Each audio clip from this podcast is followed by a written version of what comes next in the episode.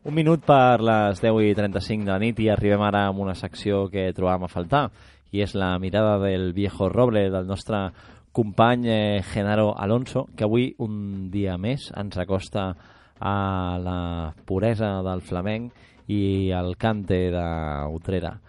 La mirada del viejo roble. Hola Edu, hola a todos los oyentes. Esta semana os traigo unas citas que he encontrado sobre los Pinini y el flamenco de Utrera, eh, de Utrera Lebrija Morón, de esa zona. Que es, eh, es importante porque, porque tiene mucha historia, ¿no? Y eso, yo qué sé. Por ejemplo, Ángel Alcar- Álvarez Caballero nos cuenta de Pedro, de Pedro Bacán, que es el miembro más relevante del clan de los Pinini. No solo como guitarrista, que lo es de Alcurnia, tanto en el, en el acompañamiento al cante como en la faceta de solista, sino también como impulsor de un movimiento de recuperación del arte que se hacía en su casa y en las casas de sus parientes, y que él vivió desde niño. Este toque de morón, eh, en referencia ahora al toque de morón de... de hostia, no me de Diego, de Diego del Gastor, ¿vale? Eh, Este toque de morón contiene una serie de connotaciones o notas características, coincidentes en alguna medida con las del toque más puro y primitivo, entre las cuales me atrevería a subrayar, entre otras, el uso reiterado y hasta obsesionante de una misma nota, procedimiento propio también de ciertas fórmulas de encantamiento de pueblos primitivos. El mantenimiento en vibrato de notas profundas y largas, sostenidas fundamentalmente por la mano izquierda, que llenan hasta todo un compás de 3x4.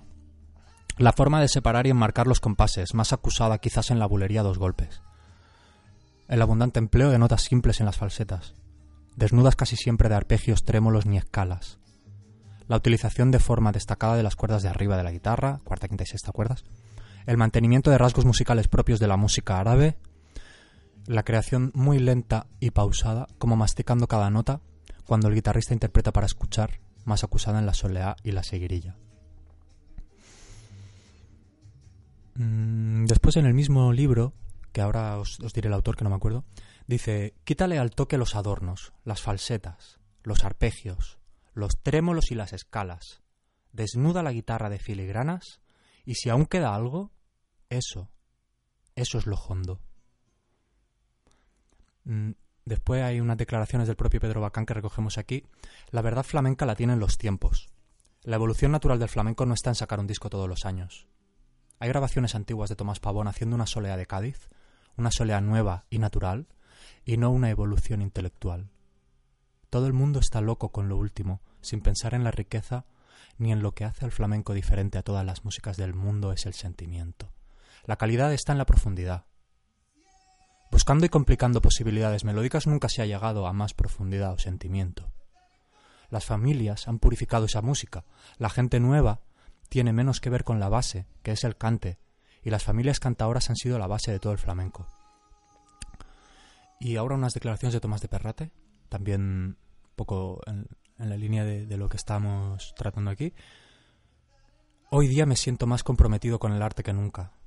Escucho la voz del espíritu de Perrate que me dice que es bueno que cada persona conozca su lugar en la vida y comulgue con las entrañas del solar que le vio nacer y vivir. Esa voz también me dice que los viejos, que siempre han sido depositarios de la verdad, no se preocuparon de mostrarla, airearla y darle sentido universal. Tenemos que ser los jóvenes los que nos interesemos por esto, pero al igual que ellos, debemos utilizar siempre la defensa de la belleza como estandarte. No deberíamos ser aprendices del pasado, por bueno que fuera, sino responsables del presente y del futuro de nuestro flamenco, adaptándonos a la realidad de éste en la época que nos ha tocado vivir. Y ahora unas palabricas de, de Ángel Álvarez Caballero sobre, sobre Inés, Inés Bacán.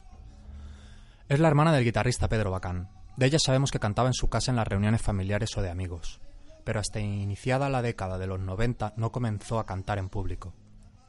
Esto es cuando tenía 40 años. Conoce el cante, el baile y el toque desde siempre, pues en su familia rara es la persona que no practica alguna de sus facetas flamencas, aunque no sea profesional. Y ella canta como oyó cantar a los suyos, sin ningún virtuosismo, pero con una verdad y autenticidad ejemplares empeñada a partir de entonces junto a su hermano en recuperar esa tradición del arte doméstico de los bacán, como el de muchas familias gitanas en Andalucía, su voz viene a ser un aliento de esperanza para quienes no se resignan a que desaparezcan los antiguos ecos del cante. Y ya está, chicos, esto es todo. Gracias, adiós. No hi ha futur. No ha.